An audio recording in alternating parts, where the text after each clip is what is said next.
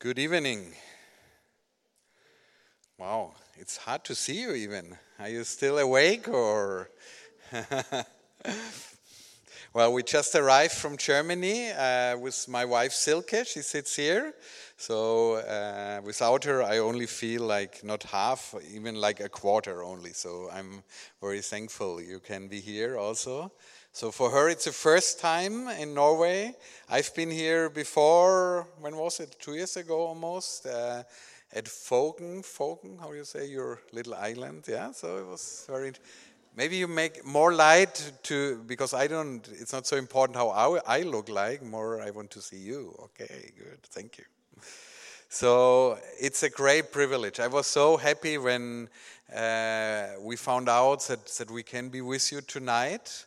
Uh, it's a great privilege. I, uh, my name is Johannes, so just to introduce us a little bit, we are married since 27 years and almost six months, uh, or five months more or less. We have three children, uh, 25 years, 23 years, and 21 years. So only the little one with 21 is still with us. The others, uh, our daughter is married in England. She's a high school teacher and our son is a soldier uh, and he lives in France. So uh, before uh, we moved to Germany nine years ago. I mean, we are Germans, but uh, we, we lived uh, outside Germany a couple of years. We were missionaries in Spain. Uh, I was pastoring a church there, and we worked with some other mission organization. And our home church is uh, based in Mexico, Mexico. I don't know if someone of you has been in Mexico. No one? Ah, you, okay.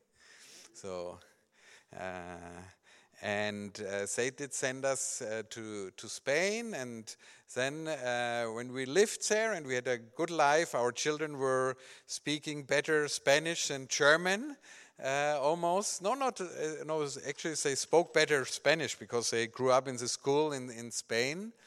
And then uh, we received a very clear word from the Lord to go back to our home country, to Germany, uh, to work uh, with Jewish people. And that's what we are doing now since uh, a little bit more than nine years, full time, and where I will speak with, uh, to you tonight a little bit. But actually, just a question. Tomorrow morning, I found out we also will be here in this church. Will all of you be here tomorrow morning? Yes or no? Is it a yes or no? Now, everybody has a bad conscience because he feels he has done enough religious stuff coming tonight, maybe, or I don't know. Or you're maybe from different churches, or I, I mean, anyway, tomorrow morning, uh, if you are not too tired after this evening, uh, I think uh, John Olaf told me the last ferry leaves at 12:30 or something. So uh, you, are welcome to come again. You will find out a little bit more what we what we are doing. Uh, yeah, we work with Jewish people, and it's very interesting. If I uh, tell people we work with Jewish people, you have different reactions, and it's almost like you go. Some people are say, "Oh, that's great," and a lot of people say but why? What are you doing with the Jewish people? You know, did not God end to work with Jewish people? And I uh, brought uh, from a friend of mine here is a rabbi in Israel, Jeremy Gimpel. He did a wonderful video uh, last year when Israel celebrated 70 years since uh, it was born again as a nation. So I would like to start with this video. It's subtitled, I think, with Swedish because we showed it in Sweden uh, not, not, not too long ago, and then from there we will go on.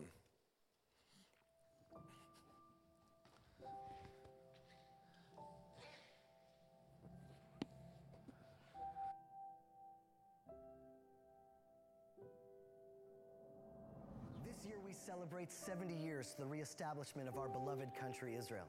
70 years is monumental, for a man's days are 70 years on earth. For the first time in 2,000 years, a Jew could be born in the land of Israel, live a full life, die in the land of Israel, free, never knowing the exile. This year we celebrate 1948 1,948 years ago, the Roman Empire destroyed our lives.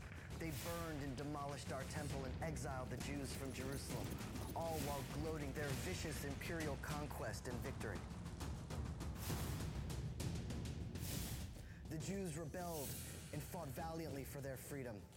The rebellion was crushed, and the Jewish people found themselves homeless, helpless, and lost for centuries upon centuries. Long and bitter Jewish exile reached the darkest time in human history. As we celebrate 70 years, we must remember where we were only 74 years ago. And I saw a great open space with dry bones.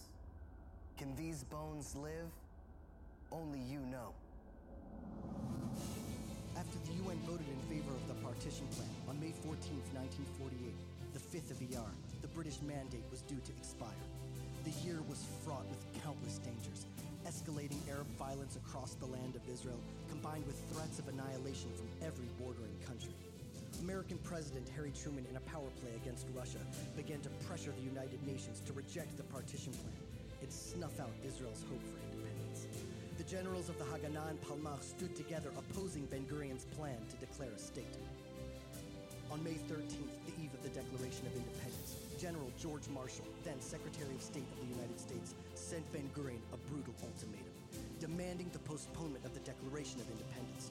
Marshall, together with the Secretary of Defense James Forrestal, imposed a military embargo. They threatened that Ben Gurion's Declaration of Independence would trigger a regional war, which would doom the Jewish people to a second Holocaust in less than 10 years. And the United States would not provide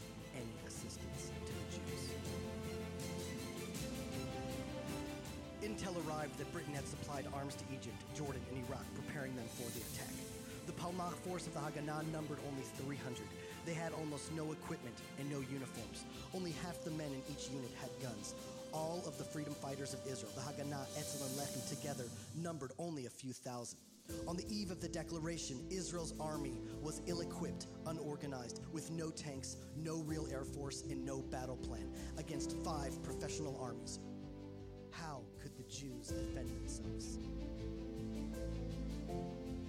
Standing alone against Israel's top military and political ranks, betrayed, isolated, and threatened by the international community, including the United States, with Arab armies invading from every front. It was now, or maybe never.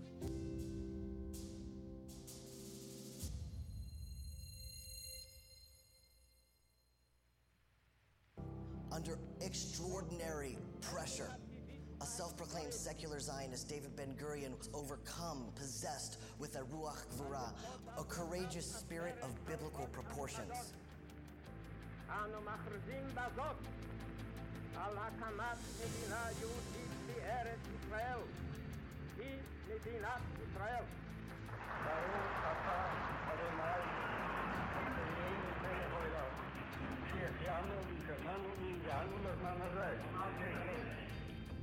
And just like that, 2,000 years of exile came to an end.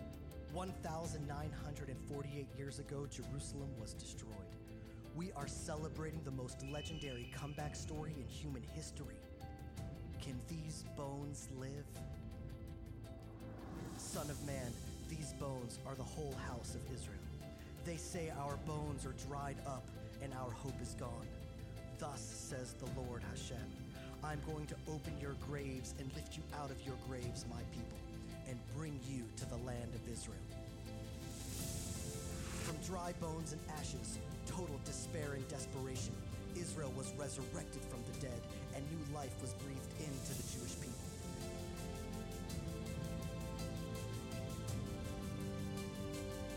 Seventy years ago, there were 600,000 Jews in Israel. Today, there are over 6.5 million from over 100 countries. In 70 years, Israel went from having one asphalt road to building Ben Gurion International Airport, some of the best hospitals in the world, and built more roads and infrastructure per capita and faster than any other place on the planet. Israel has transformed a barren, desolate, non productive land into one of the most powerful economies. There are more Torah institutions and more Jewish learning in the land of Israel than any other time in Jewish history. From a group of underground and underarmed freedom fighters, the IDF has emerged as one of the most respected militaries in the world. The number 70 is represented in Hebrew by the letter Ayin, which also means eye. For 1,948 years, the Jewish people have been praying, "V'techazena einenu b'shuvcha leTzion." May our eyes see your return to Zion. We're not praying that one day we hope to see your return to Zion. Let our eyes see that it's already happening right now.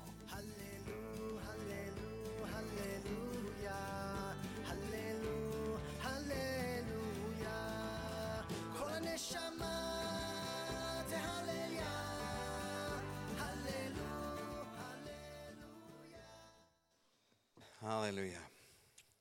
So I would like uh, to ask you who of you has been in Israel?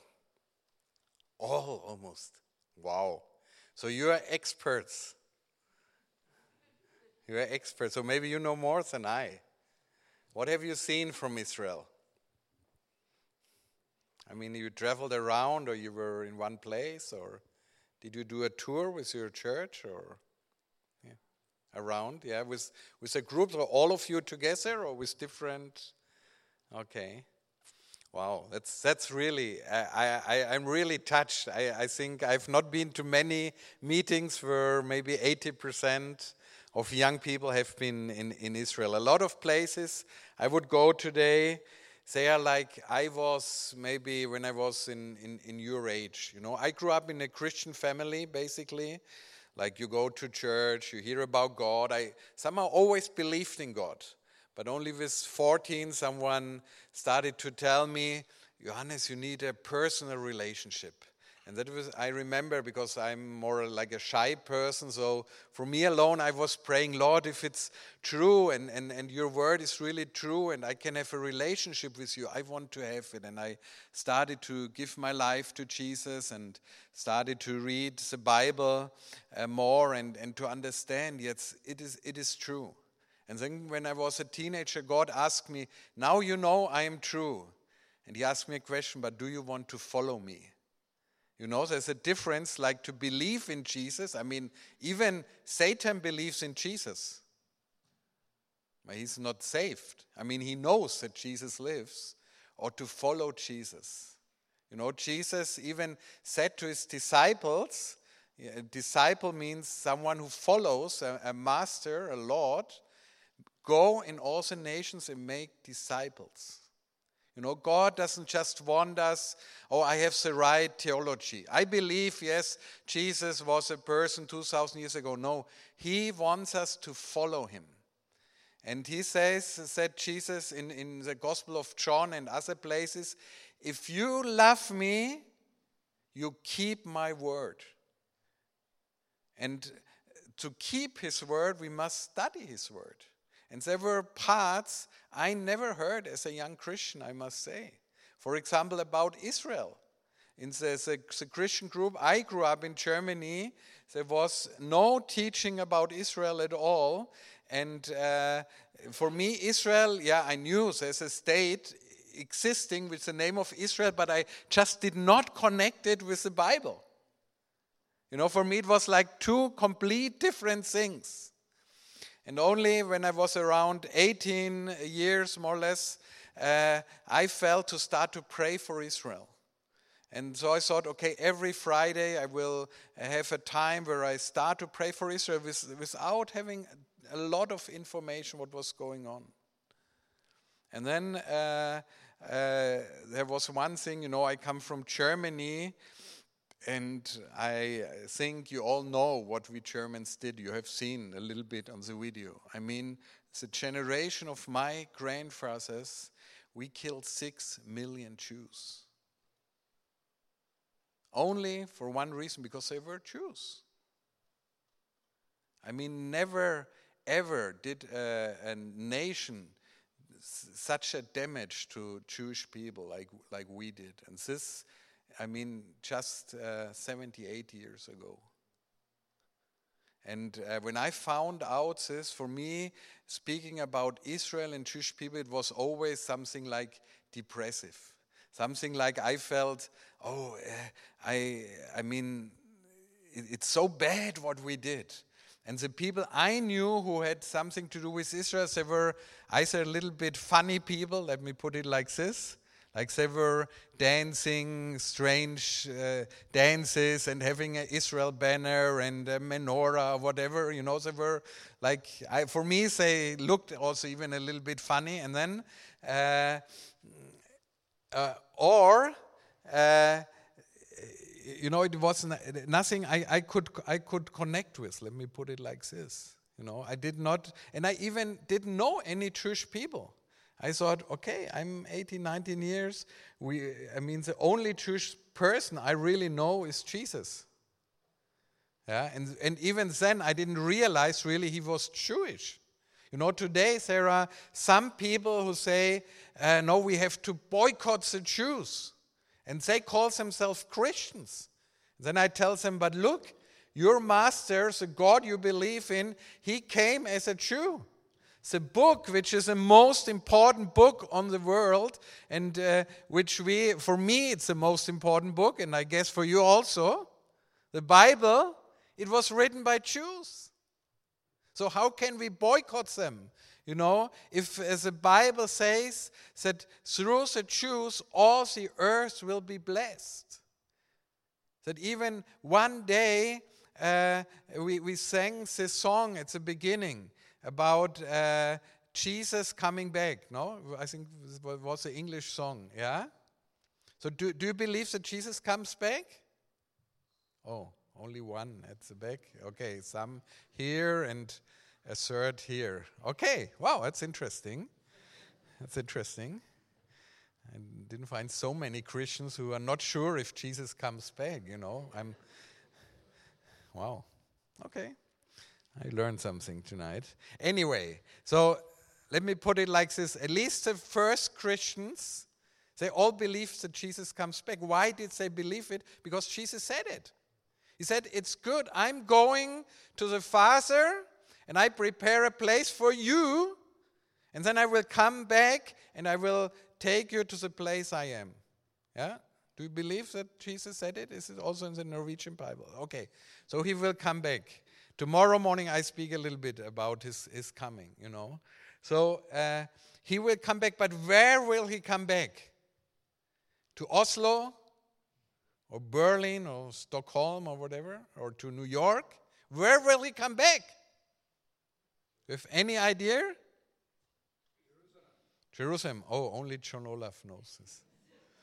Okay. Do you understand why there's so a battle about Jerusalem. You know, have, have you been in Jerusalem? Have you seen this uh, funny building with this golden dome thing, you know, where it says, as God has no son? This antichrist building, you know, built from Muslims who, who, of course, do not want the Messiahs to come. I mean, the enemy, he hates Jesus. And he knows the moment the Messiah will come back, his time will come to an end. Amen? So I personally, I desire the Messiah to come. I mean, maybe here in Norway you have such a good life. And I read, like tonight, a little bit about Norway statistics, and it said Norway is the most developed country on earth. So maybe all Norwegians are so happy and think, we have everything. So why should Jesus come? I want to live here forever. But I tell you, there's even a place better than Norway. That's being with the Lord in all eternity. Amen? Yeah. But he said, I will come back on earth. That's not a spiritual thing, it's a physical thing. And he will not come back as a baby, he will come back as a king of the Jews. And he will come back and reign over Israel. So he will come back to his people Israel. So imagine you would have preached like 150 years ago a, a, message that Israel will be a nation again, that Jews will live in the land of Israel. People would have said, Johannes, you're crazy. It's impossible. Since the Romans did conquer Jerusalem and kill uh, most of them, and, and they came, went into diaspora. There are only a few Jews in Israel, but it's, there doesn't exist any a Jewish state anymore since almost 2,000 years. And suddenly the impossible happened. Never in history it happens that a nation that for almost 2,000 years were not more a nation, did not more have one government, uh, uh, living in the diaspora. You know what diaspora is? In the, like, uh, amongst the nations. Coming back and being a nation again.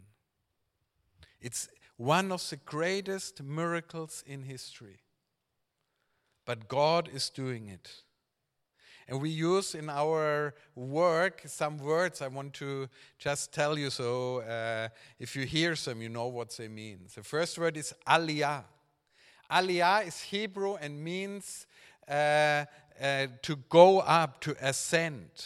In the Old Testament time, or even in the time of Jesus, you know, the temple was in Jerusalem and people came to certain feasts to Israel. Like now, for example, uh, next month there are again feasts in Israel. Actually, on Sundays, the Jewish people will celebrate New Year. They have a different New Year than we have.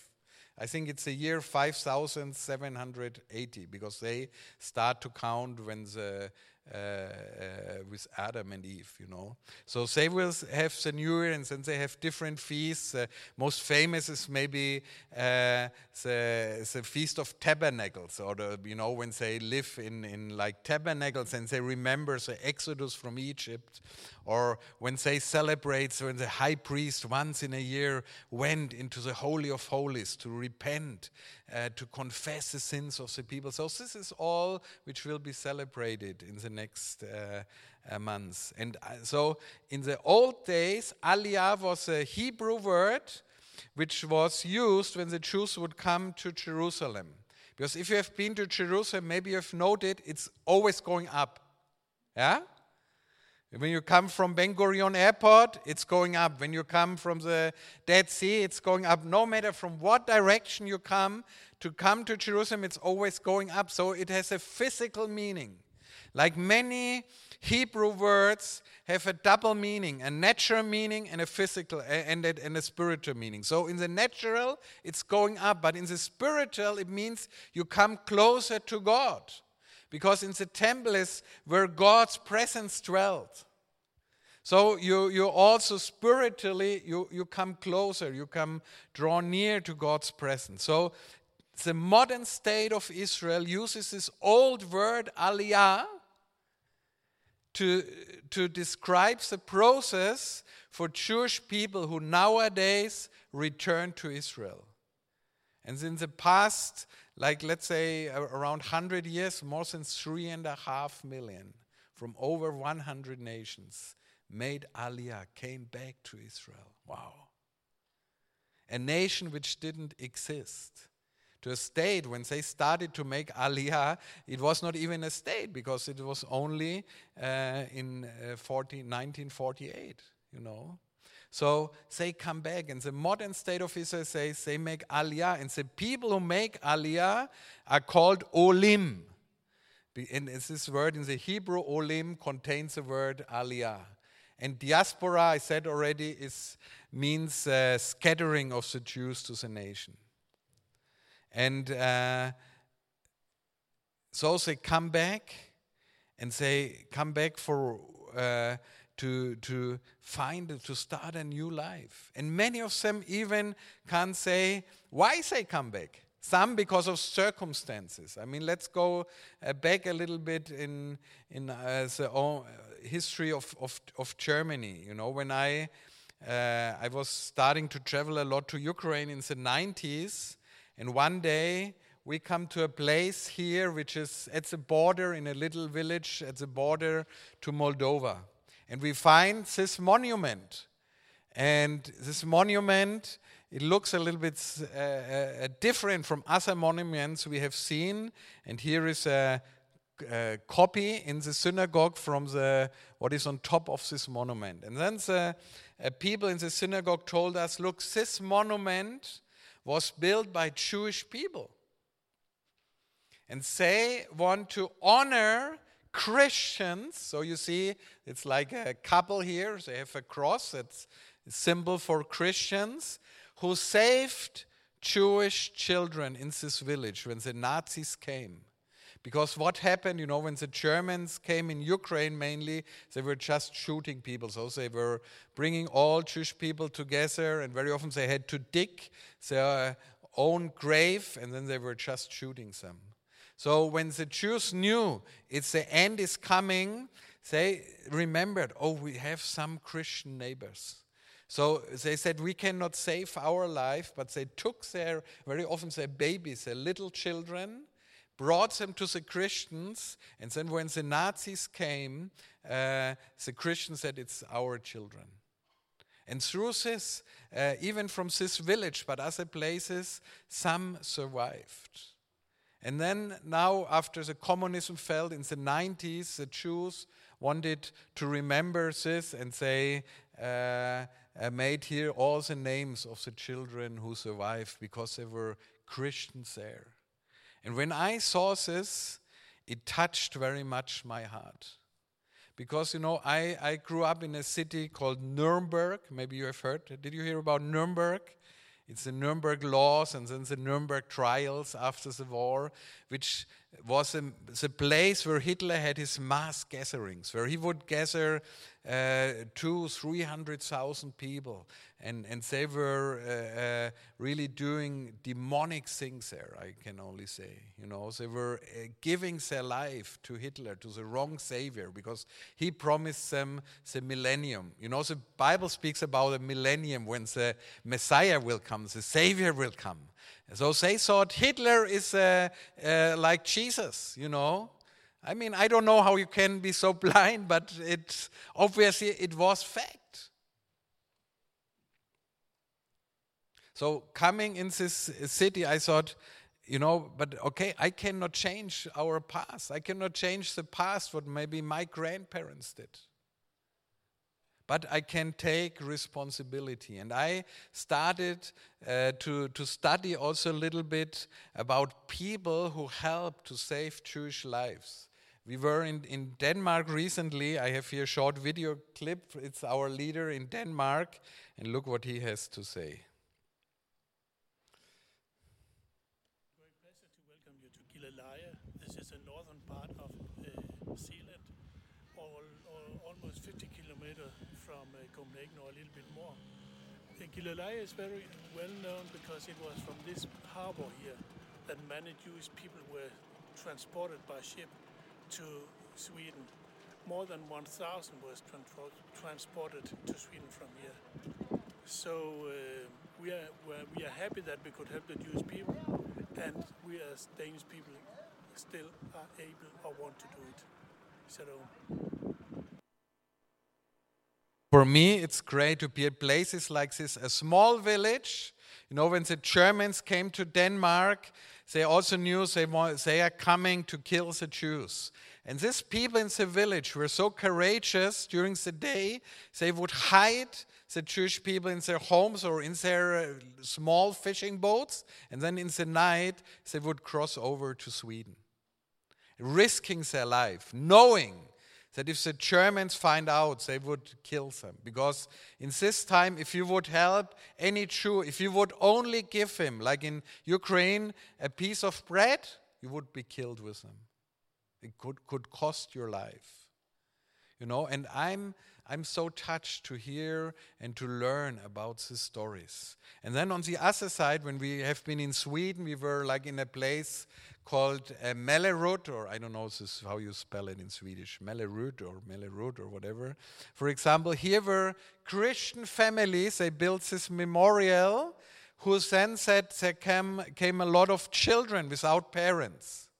We take these children and we care for them you know so it needed people to transport them and it needed people uh, to, to care for them to help them and i think it is so great what we can learn from history, we can always make a difference.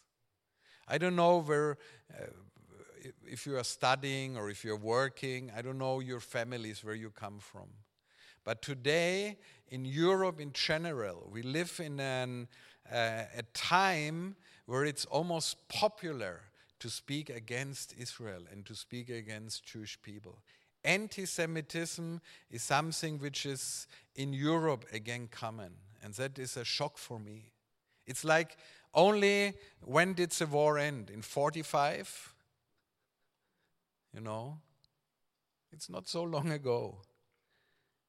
And what we learn from history today is that we learn nothing from history. Again, it is popular in television, in radio, in the newspaper to, to really speak out hatred against Jewish people. But I think we can make a difference. But the only way we can make a difference is if it starts in our own life. You know, if we learn a little bit about our own history, maybe our own thoughts. I must say, I grew up, I was not hating Israel or Jews, but I also, I just had no relation. I had no interest at all. So to see you here, and most of you having been in Israel, why did you go to Israel? Because someone paid for you, or what was it? Or because you wanted to learn what is God's plan with, with them? I don't know, your personal motivation. Or maybe someone you like very much went on the tour, so you said, okay, I also go to, you know, a good way to get to know someone. I don't know. But I would encourage you learn uh, or, or find out, learn, learn about Israel in speaking with Jewish people. You know, because we read so much in the news. I don't know Norwegian news, but in the German news, I would say over 90% is bad. And you think, oh, Israel, it must be a horrible country, and there's always war, and there is, uh, you know, all these bad things, and there are these settlers, they are really bad people, and like violent people or whatever. And then you go there and you see it's completely different from what you think. But you have to know them, you have to meet them. So we started, I think, more than 10 years ago to also do tours to Israel, especially for young people. And I think we brought some, I don't know, seven, 800 or more young people uh, to Israel since then. I thought before I ask you, I wanted to ask you okay, if you have not been, I would invite you to come with us to Israel, maybe next year. But since you already know everything, it doesn't make sense. But if you would like to go a second time and you don't know yet with whom, just come with us. If you have a group here from the church, 15, 20 people, let's organize a tour. I, I will be in, in exactly four weeks. I will preach in, in Seville and Huelva, which is in the south of Spain, in, uh, uh in two churches. And there, I, after many years, I said to the pastor, Why don't we go to Israel? And then he said, yeah, Maybe we get 20 people from our church. At the end, there were 54. And we had such a great time. We just had a week there, but it was so great. And they, most of them said it was the first time I met really Jewish people. I met people who have been in Israel, some of them five or ten times, and they did only the touristic stuff, you know, like, okay, we take a boat ride over the Sea of Galilee, and we go in this church or that church, and ask them, okay, how many Jewish homes did you visit? Did you ever hear the story of the Ethiopian Jews, like personally meet someone who maybe walked a year through the desert to come to Israel? Only because God spoke to them, leave your village and go to Israel after two, more than two and a half thousand years? Did you ever meet one of the tribe of Manasseh? You, you know the tribe of Manasseh is coming back from India. Have you heard about them? Oh, no, okay should show you the video. You know, the tribe of Manasseh, 2,700 years ago, because they were from the northern kingdom, had to leave the land. And now in the uh, 1990s, they write letters to the Israeli government, to, the, to Netanyahu. He was president then, uh, the first time when he was president. They write, We are the tribe of Manasseh and we want to come back. And the people in Israel thought, No, they are crazy Indians. What do they want here? But someone went there, a man who worked uh, like in the room bef- before the prime minister's office. Like he had to read all the letters. And he told me one day, Johannes, we get everyday letters like, I'm the prophet Isaiah or I'm the Messiah. And you know, he has, they have all files like with this kind of letter. So there comes this letter, so yeah, we are the tribe of Manasseh and we want to come back. So he just put it, okay, file here, crazy people. But then God moved him and, he, and, and God told him, No, you have to investigate. So he took a flight and went to India to meet these people. And he finds out, no, they're more Jewish than most Jews living in Israel. They're keeping all the feasts, and he starts to investigate the story when the Assyrians took Israel, you know, and when they went into captivity, and how they went first to China and then back, and, and how they settled in India. So his history proved yes, they are the tribe of Manasseh. And now they're coming home. You know, and the exciting thing is that Christians who believe in the Bible play an important role in the return of the Jews worldwide, but also with the tribe of Manasseh. So if you hear a story like this, you know, from someone who said, for hundreds and hundreds of years, we always prayed next year in Jerusalem, and now we are the generation who can see it. I mean, it's touching because it's not just an idea of a man, it's fulfillment of biblical prophecy. You know, when I was a young Christian as a teenager, I always thought somehow it's not fair. I mean, the disciples or people like Moses, they had really an advantage because they could see the miracles. You know, Moses, he had his stick and, and then the water uh, divided into two. Do you believe it, it, it, it was like it's written in the Bible? Yeah? Oh, only three or four? Yeah. Okay.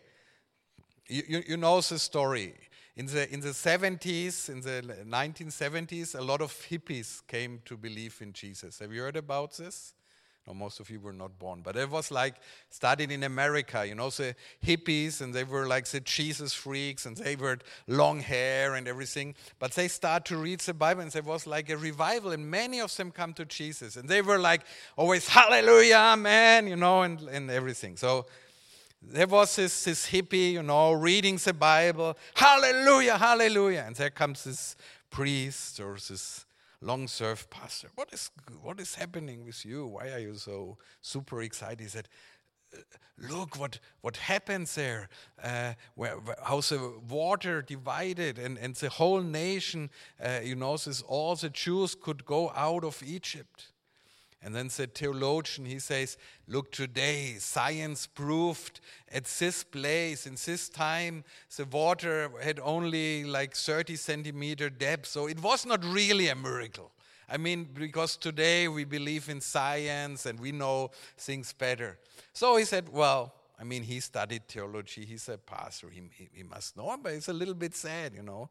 So the theologian, he goes on, he walks on, and He's just around the corner and suddenly he hears him again. Hallelujah, hallelujah, praise the Lord.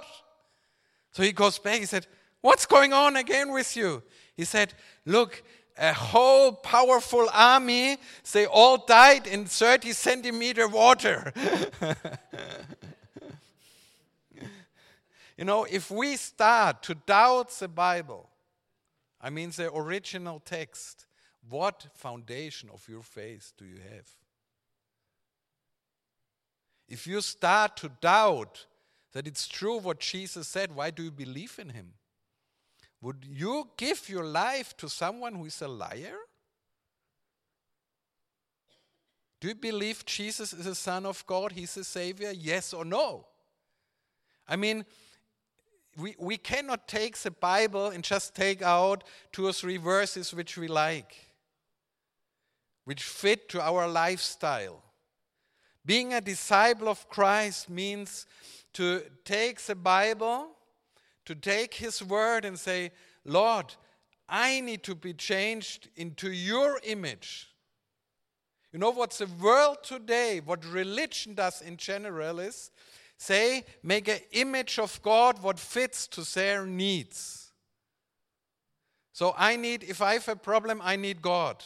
And God, you have to fit in the problem. You know, you have to, oh, why didn't you help me? I prayed.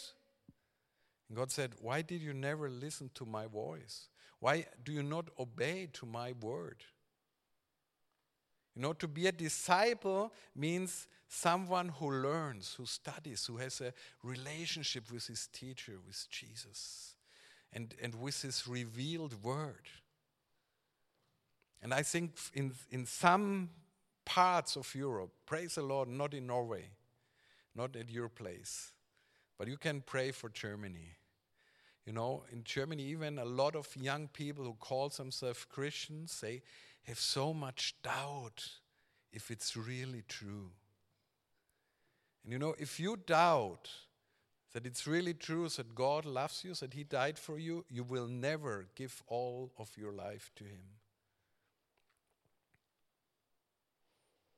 And then people say, yeah, but maybe He disappoints me. I mean, I've, uh, I'm a pastor. I'm not original a pastor. I was I studied uh, business management and worked as a manager, but I started my first church also with 20 and but then, and since 94 I'm in full-time ministry and doing mission work and pastoring. And as a pastor sometimes people come and then they say, "Oh God, I'm so disappointed from God, by God." I say, "Look, which God? Maybe a God you made in your image." God will never disappoint you if you take His word for true. But you know, we, we, we, we want a God who fits to our lifestyle. It will not work. And I found out, at least in my life as a teenager, where we lived in this time in the late 70s, it was very liberal already. Like, I mean, like sexual things, for example. It was like if, if you wouldn't have a re intimate relationship with someone with 18, you wouldn't be normal. You know, I, ma I married with, how old was I? 27, I think. And it was the first time I had an intimate relationship when we married. And I'm so happy. And we are still happily married after 27 years. And I see others, they are 20 and they think they have experienced everything, but they're not fulfilled because they don't understand God has a good plan for us. You know, He has made us wonderful. He doesn't want us to waste our bodies or our lives. Okay, I, it's not the topic for tonight. But it, it, it all is together. You know, what image do you have from God? To come back to this. I cannot trust in someone if I think he lies to me. If, if, if, if someone is not able to fulfill his promise. I know the only person is God. You know, I'm a father of three children, and sometimes as a father, you tell your children, Oh, tonight when I come home from work, I will play with you. And then a call comes or something else and, and you can't do it. You know, you disappoint your child. That's, that's human. Or we forget things, you're not even out of a bad intention. We cannot be always like even with our children. You know, when they have a difficult test in school, I cannot go there with my children. I mean, now they don't uh, need, me anyway, but uh, you know, when they were smaller you have to leave them in a difficult situation. But God, our Father, He is always with us. Amen? But He said, I will keep my words. The question is only, do we keep our part? I mean, God is faithful and God does not change. That's one of the big difference between God and man. You know, man tries to change to adapt to circumstances.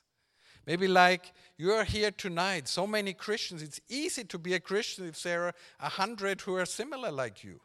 But maybe in your family, you're the only one. No, I mean in Norway, everybody's Christian or not? Or are you maybe, is there someone who is the only one in his family? In your family, the only Christian maybe? Or in your, oh no, no one. Oh, that's what, you know, wow.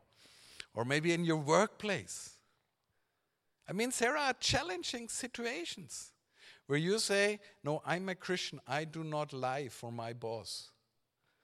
You know, I do not do certain things because they are not right, morally not right. And that is when, you know, to confess Christ doesn't mean always to, to have a sticker on you or to always go around and say, I confess Christ, I confess Christ, I confess Christ. No, to confess Christ means to think and to live like Christ would do, to live a Christian lifestyle. And I want to learn, I want to do it because I found out that God is the only person I can really fully trust. And one of the reasons is connected with Israel. You know, we there are over 100 prophecies in the Bible. And think about they were written two and a half thousand years ago, or some even longer. That one day Israel will be scattered amongst the nations, but at the end of the time, God will bring them back from the north and south and east and west. And we are the generation who can see the fulfillment of these prophecies. Isn't it great? Hallelujah. I mean, imagine Isaiah, Jeremiah, Ezekiel. They wrote these words down, and I told you it's more than 100. If you don't believe me, we have a little booklet which is called Biblical Prophecy. It's only Bible verses, so it's nothing added from us. Here it's even in Norwegian. And I think maybe there are 80 or 90, but there are more in the Bible. And they all speak about the return of Israel as a nation to the land of Israel. And isn't it funny that the whole world today gathers and says to the Jewish people, no, you have no right to live in Israel. Have you heard this? You know, that there's an organization called United Nations. Have you heard about them in New York? In Israel, they are called United Nothings. Because they only watch, you know, they are like in the north of Israel, it's a border to Lebanon. And then uh, Hezbollah attacks Israel and they only watch. And they maybe make note, oh, Hezbollah again digs another tunnel or they do, you know, but they do nothing. And then United Nations come together and say, listen, Jewish people, you have no right to live in Israel. Like, to a Jew to say you have no right to live in Judea. It is like I would say, You're Norwegian, but you have no right to live in Norway. Wouldn't it be strange?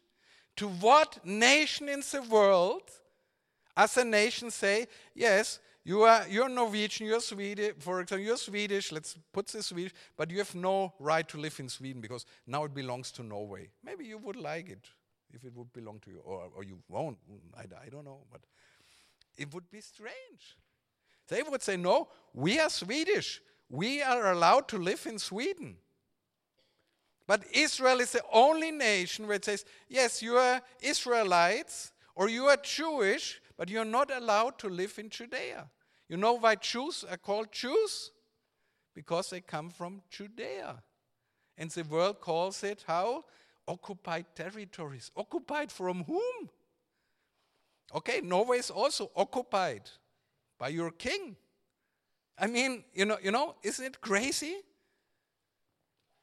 It's the only nation, and I mean, it's a tiny nation. You have been there. It's much smaller than Norway. How many Muslim nations exist in the world? Many. Maybe if you're not an expert, you would have to Google to find out. Muslim nation, of Pakistan, of Afghanistan. I mean, so many. 57. But there's only one Jewish nation. And now they say, no, but we also want to have this little part, which even in the Quran is not mentioned. You know Jeru- how often Jerusalem is mentioned in the Quran? You know? Zero times. And in the Bible, almost 800 or around 800 times. In the Quran, zero. But we say, no, it, they say, no, we also want to have it. And we will not stop until the last Jew is in, swimming in the Mediterranean, is kicked out, because that's even on their banner. Do you understand why it's a very difficult thing, this whole conflict? If someone doesn't even accept that you have a right to, to live in your own nation. it's hard to make peace with someone who hates you so much. That's why we go there and even show them the situation. I don't know, have you been at the Gaza border when you were in Israel? Who has been at the border to Gaza? Only two. So where has the rest been? Only at the Dead Sea swimming or? Okay, what, what have you done then? Have you been at the border to Lebanon or to Syria? Have you seen the, okay, some. Have you seen the Hezbollah people there? Yeah? Oh, good. Praise the Lord. But you know, that's not normally where tourists go, but it's where people go, which we call intercessors. People who pray for Israel, they have an interest in Israel. And I know my time is running out because you want to eat. I want to uh, show you a picture. When I was have been the first time in Israel, it was then, it was in January 1991. And it happened, you know, some months before, like I think October, September, October, I was praying, and it's always dangerous to pray. So if you want a quiet life, don't pray. If you want an adventure with God, start to pray. Because sometimes God speaks, and then we have to react. So I was had my we call it like quiet time, you know, like where you read your Bible and you, you have your speak with God, you know. And then suddenly I felt God telling me, go to Israel. And I always, I wanted to go to Israel one day, but never like as a tourist. I always wanted, and I felt, yeah, I want to go to Israel, but when and how? And the next day, or maybe two or three days later, but it was in the same week, there was a handwritten paper.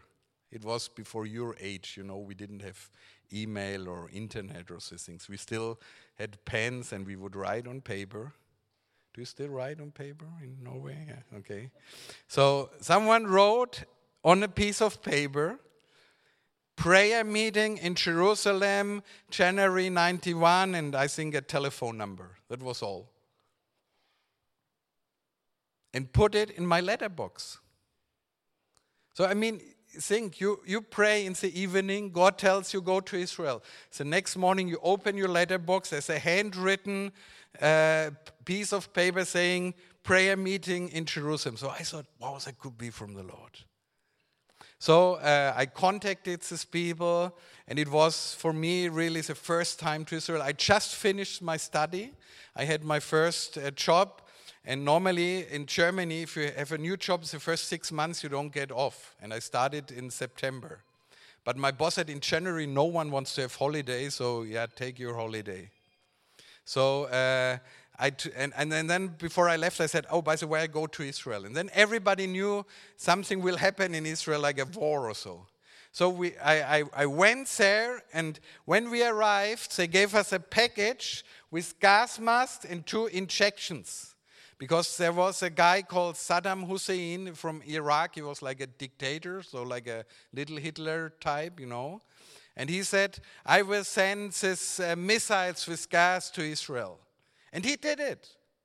He sent a lot of missiles. So, in the same night, as the alarm sounded, and we had to go to a special sealed room, and then say, suddenly say, Put on your gas masks.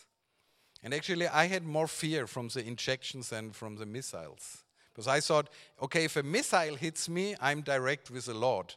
But I hate injections anyway no missile hit us. But you know, you pray different if you're in the middle of the war. So we were in Jerusalem, we were not allowed to leave the hotel because if alarm sounds, you only have a few little time, you know, to go into special shelter room.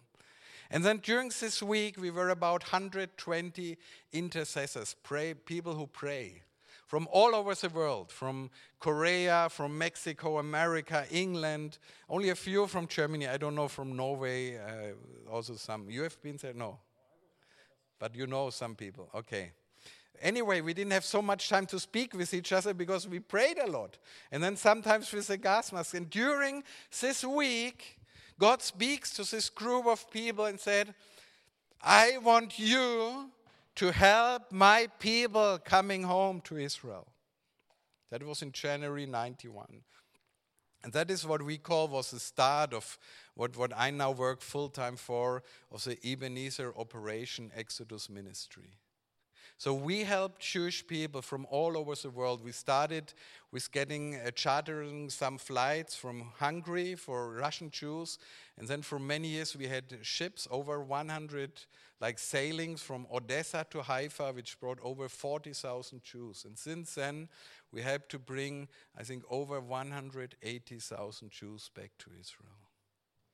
And now we operate in more or less 60 nations. So I'm responsible for all uh, former Soviet Union, Scandinavia, and Israel. And uh, at the moment, we bring to Israel an average of about 21, 22 olim. You remember olim? What it is? The immigrants every day to Israel. It's a moment every day. through the help of Christians like you and me. I mean, we are not special people, we are normal, average Christians believing in the Word of God. Through, your, through the prayers and through the practical help, we, we can help more or less uh, every day, over 20 now coming home, every day. So this year will be around 8,000. And that's a miracle. This, you know, to imagine we not only read a Bible prophecy, but we see it is fulfilled before our eyes, and more, we have a part in it. I mean, Jeremiah and Isaiah, they were dreaming of it, and we can see it. So that's a really a great uh, privilege. So I would like uh, for us all now to read together the last scriptures from uh, Jeremiah 16, verse 14 and 15. And can we stand up uh, to read this and read it, it, with loud voice? Because it's the word of God. Uh, we very often say in our ministry, we proclaim the word of God. Okay, ready? Therefore, behold, the days come, says the Lord, that it shall not more be said, The Lord liveth, that brought up the children of Israel out of the land of Egypt. But the Lord liveth, that brought up the children of Israel from the land of the north, and from all the lands whither he had driven them.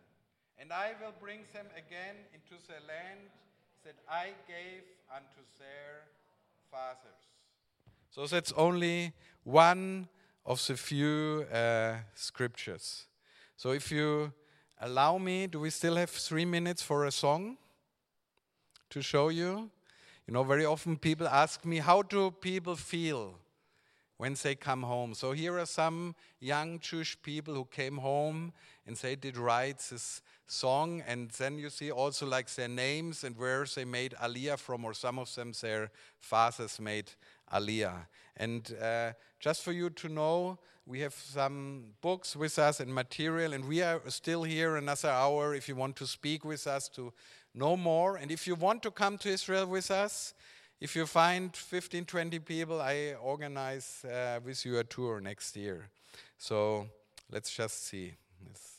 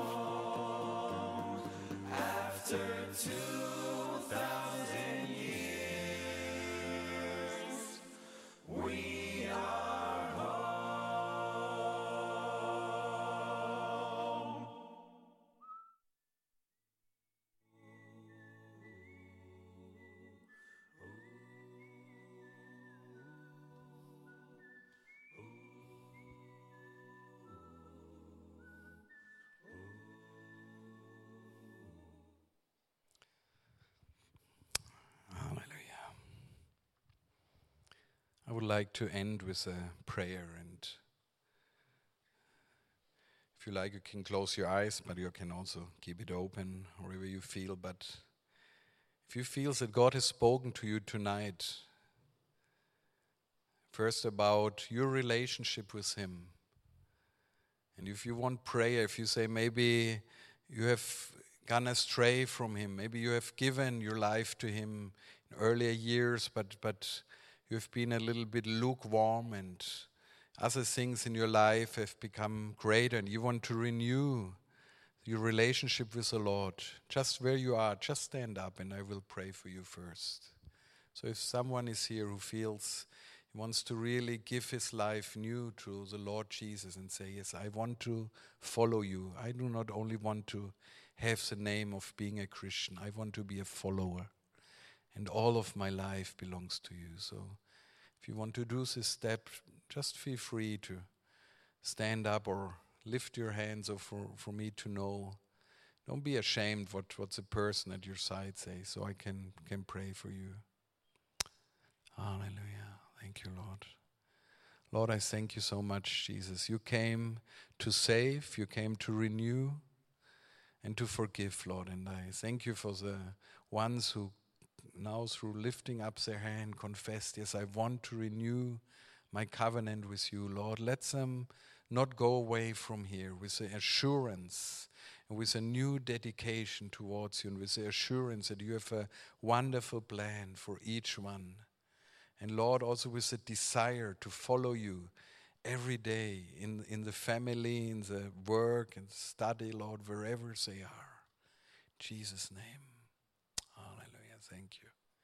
And second, I would like to pray if someone is here who feels that uh, there's something about God's people, Israel, where maybe you feel there's uh, maybe more where God wants you to be a blessing for Israel. And you remember also in Genesis 12, it says, He who blesses Israel will be blessed. We don't bless Israel to receive something, but we know it will enlarge our faith in God. For me, working with Jewish people, it always strengthens me so much in my faith. So if you feel that maybe God wants you to see Israel not only as a nation you have traveled one time and you read about, but something you want to be an active uh, involvement, and that always starts in prayer.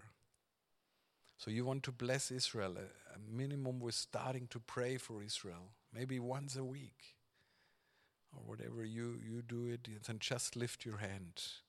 And I want to pray for you also. Thank you. I think there are some more.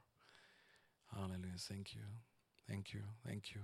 Lord, I thank you now also for the ones that you are speaking to us, Lord, and want to bless the ones now who who want to learn more about Israel, who want to be a blessing for Jewish people, who want to get involved, Lord. Just show them how and when, and Lord, remind them as they come home to, to read uh, your uh, promises for the land and to pray your word for Israel.